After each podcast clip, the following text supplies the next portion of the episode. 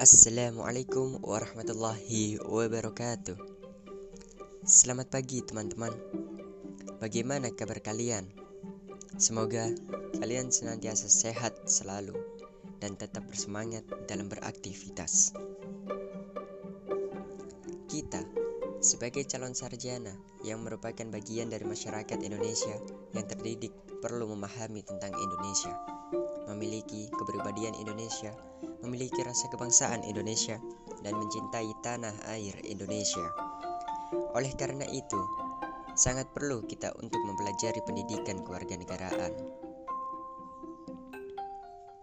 Saya, Muhammad Farhan Alfianto, mengucapkan banyak-banyak terima kasih karena teman-teman mau menyempatkan sedikit waktunya untuk mampir ke podcast saya hari ini. Dalam podcast kali ini, kita akan membahas atau berdiskusi tentang topik atau permasalahan yang berhubungan dengan keluarga negaraan. Pastilah timbul banyak pertanyaan di dalam benak kita semua tentang keluarga negaraan. Yakni di antaranya, mengapa negara Indonesia perlu adanya pendidikan keluarga negaraan? Yang kedua, apakah benar Belanda yang memiliki tradisi barat yang dikenal liberal, egaliter, memiliki istilah ondedaran? Lalu apakah Anda yakin setiap negara memiliki pendidikan kewarganegaraan? Selanjutnya, apakah Pancasila dan Undang-Undang Dasar Negara Republik Indonesia 1945 telah terwujudkan dalam segenap pengetahuan, sikap, dan perilaku manusia Indonesia? Dan yang terakhir, apakah suatu identitas dalam kurun waktu akan hilang? Itulah beberapa pertanyaan yang akan kami bahas di dalam podcast kali ini.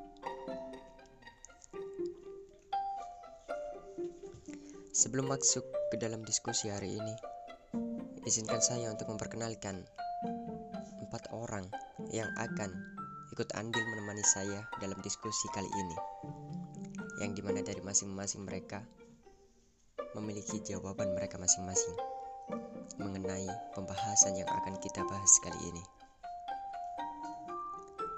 Baiklah saya akan memperkenalkan mereka semua. Yang pertama ada saudara Aditya Arifin. Yang kedua, saudara Muhammad Al-Badrut Tamam. Yang ketiga, saudara Arafa Nabil dan yang terakhir adalah saudari Fania Adiota Hartadi. Baiklah, langsung saja menuju ke pertanyaan pertama. Mengapa negara Indonesia perlu adanya pendidikan kewarganegaraan? Untuk menemukan jawaban ini, saya akan langsung saja menyerahkan kepada teman saya, kepada narasumber yang telah saya perkenalkan tadi. Silahkan. Pendidikan kewarganegaraan khususnya di Indonesia sangat diperlukan karena dapat memberikan pelajaran-pelajaran yang ada di dalamnya dengan mempelajari dapat menumbuhkan rasa kebangsaan dan cinta tanah air. Selain itu, para generasi muda diharapkan memiliki kesadaran penuh pentingnya demokrasi dan HAM, sehingga dengan kesadaran ini generasi milenial dapat ber, ber berpartisipasi dalam upaya mengantisipasi berbagai masalah yang dihadapi bangsa. Ya, terima kasih atas jawabannya ya dari saudara Aditya ya, Aditya Arifin. Sangat detail juga jawabannya. Terima kasih. Dan semoga bermanfaat jawaban ini untuk kalian semua, terutama bagi saya pribadi. Baiklah, untuk mempersingkat waktu, kita langsung saja menuju pertanyaan yang kedua. Apakah benar Belanda yang memiliki tradisi barat yang dikenal dengan liberalnya, dengan egaliternya, memiliki istilah ondedaran? Saya juga tidak tahu ini jawabannya nih. Saya udah bantuan dari teman-teman narasumber kita hari ini. Baiklah, langsung saya serahkan kepada mereka-mereka semua. keempat saya persilahkan. Monggo. Seperti yang diketahui bahwa sistem pemerintahan di negara yang terkenal dengan kincir angin menganut bentuk pemerintahan monarki konstitusional dengan sistem parlementer, sehingga pembagian kekuasaan antara ratu dan institusi pemerintahan lainnya diatur oleh undang-undang. Oke, terima kasih untuk saudara Ditya Arifin, sungguh luar biasa penjelasannya. Dan semoga apa yang disampaikan oleh beliau-beliau narasumber ini dapat bermanfaat bagi kita semua lah. Oke, langsung saja kita menuju ke permasalahan ketiga kita, pertanyaan ketiga kita. Ya, apakah Anda yakin setiap negara memiliki pendidikan kewarganegaraan? Dan jika Anda yakin, mengapa setiap negara itu mesti menyelenggarakan pendidikan kewarganegaraan kepada warganya?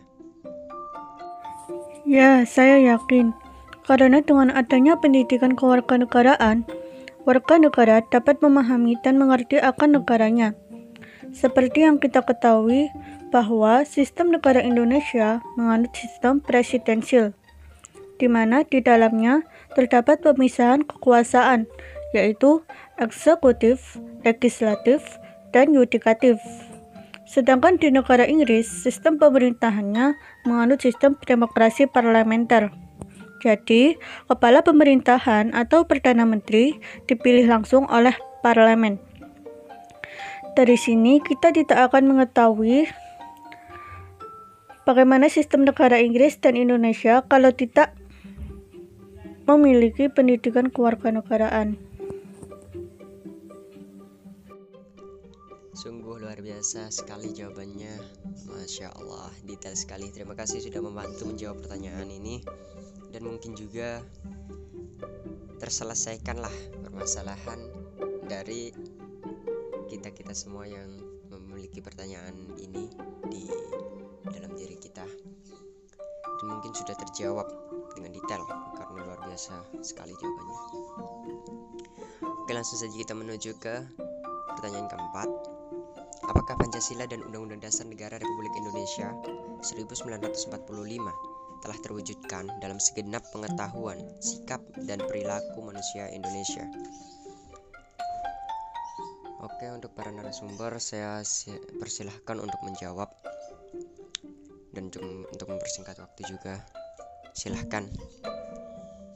Ya, karena sebenarnya unsur-unsur Pancasila sudah ada sejak zaman dahulu yang dapat dilihat dari adat istiadat, kebudayaan, dan dalam agama-agama.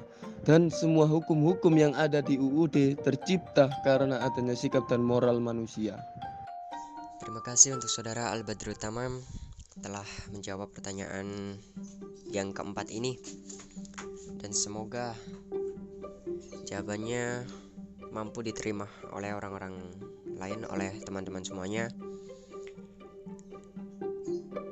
Dan kita langsung saja menuju pertanyaan terakhir dari pembahasan kita kali ini yang telah tercatat dalam jadwal podcast kita hari ini. Apakah suatu identitas dalam kurun waktu akan menghilang? Nah ini adalah pertanyaan yang pasti banyak dari teman-teman juga yang bertanya-tanya tentang hal ini. Baiklah, kita serahkan kepada narasumber kita. Waktu dan tempat saya persilahkan. Bisa jadi, apalagi dengan berkembangnya iptek di era globalisasi. Hal ini terjadi karena banyak faktor dan salah satu faktor terpentingnya adalah arus globalisasi. Mengapa demikian? Karena para pilar bangsa saat ini yaitu remaja sudah sangat rentan terkena dampak negatif dari globalisasi itu sendiri. Seperti budaya konsumtif, berpakaian ala-ala barat, dan lain sebagainya. Dengan adanya konsep berpikir seperti itu, maka identitas nasional dapat hilang di kikis zaman. Oke, terima kasih untuk saudara Albert Tamam sudah menjelaskan tentang pertanyaan yang paling penting dari kita ini. Pertanyaan tentang apakah suatu identitas dalam kurun waktu akan hilang. Terima kasih atas penjelasannya. Dan sekaligus pertanyaan ini adalah pertanyaan terakhir dalam jadwal podcast kita hari ini.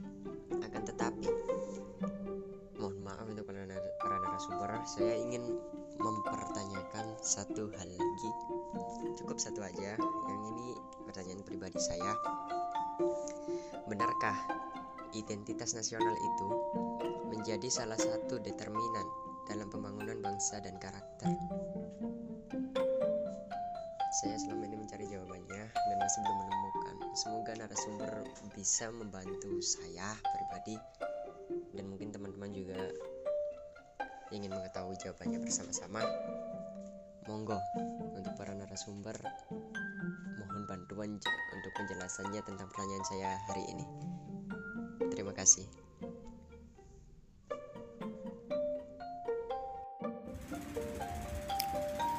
Benarkah identitas nasional itu menjadi salah satu determinan dalam pembangunan bangsa dan karakter? Sebelum kita membahas lebih jauh tentang identitas nasional menurut sumber historis, sosiologis, dan politis, kita terlebih dahulu akan mencermati dua jenis identitas, yakni identitas primer dan sekunder. Identitas primer dinamakan juga identitas etnis, yakni identitas yang mengawali terjadinya identitas sekunder. Sedangkan identitas sekunder adalah identitas yang dibentuk atau direkonstruksi berdasarkan hasil kesepakatan bersama. Bangsa Indonesia yang memiliki identitas primer atau etnis atau suku bangsa lebih dari 700 suku bangsa telah bersepakat untuk membentuk Negara Kesatuan Republik Indonesia dengan menyatakan proklamasi kemerdekaan tanggal 17 Agustus 1945. Identitas etnis yang terwujud antara lain dalam bentuk budaya etnis yang dikembangkan akan memberi sumbangan bagi pembentukan budaya nasional dan akhirnya menjadi identitas nasional. Seperti halnya seni batik, tarian budaya dan banyak lainnya yang akan kita ketahui ketika kita belajar budaya.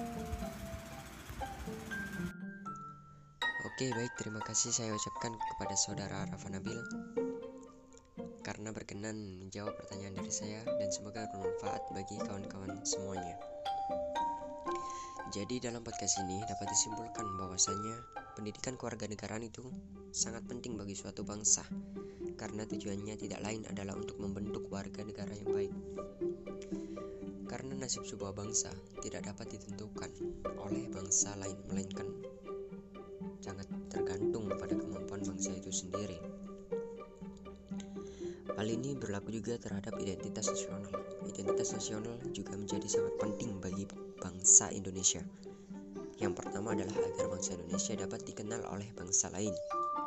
Yang kedua, identitas nasional bagi sebuah bangsa itu sangat penting bagi kelangsungan hidup negara tersebut. Tidak mungkin suatu negara itu dapat hidup sendiri tanpa bantuan negara lain, seperti halnya manusia yang membutuhkan bantuan orang lain. Dan yang ketiga, dengan saling mengenal identitas, maka akan tumbuh rasa saling hormat, saling pengertian, dan tidak akan ada stratifikasi dalam kedudukan antar negara.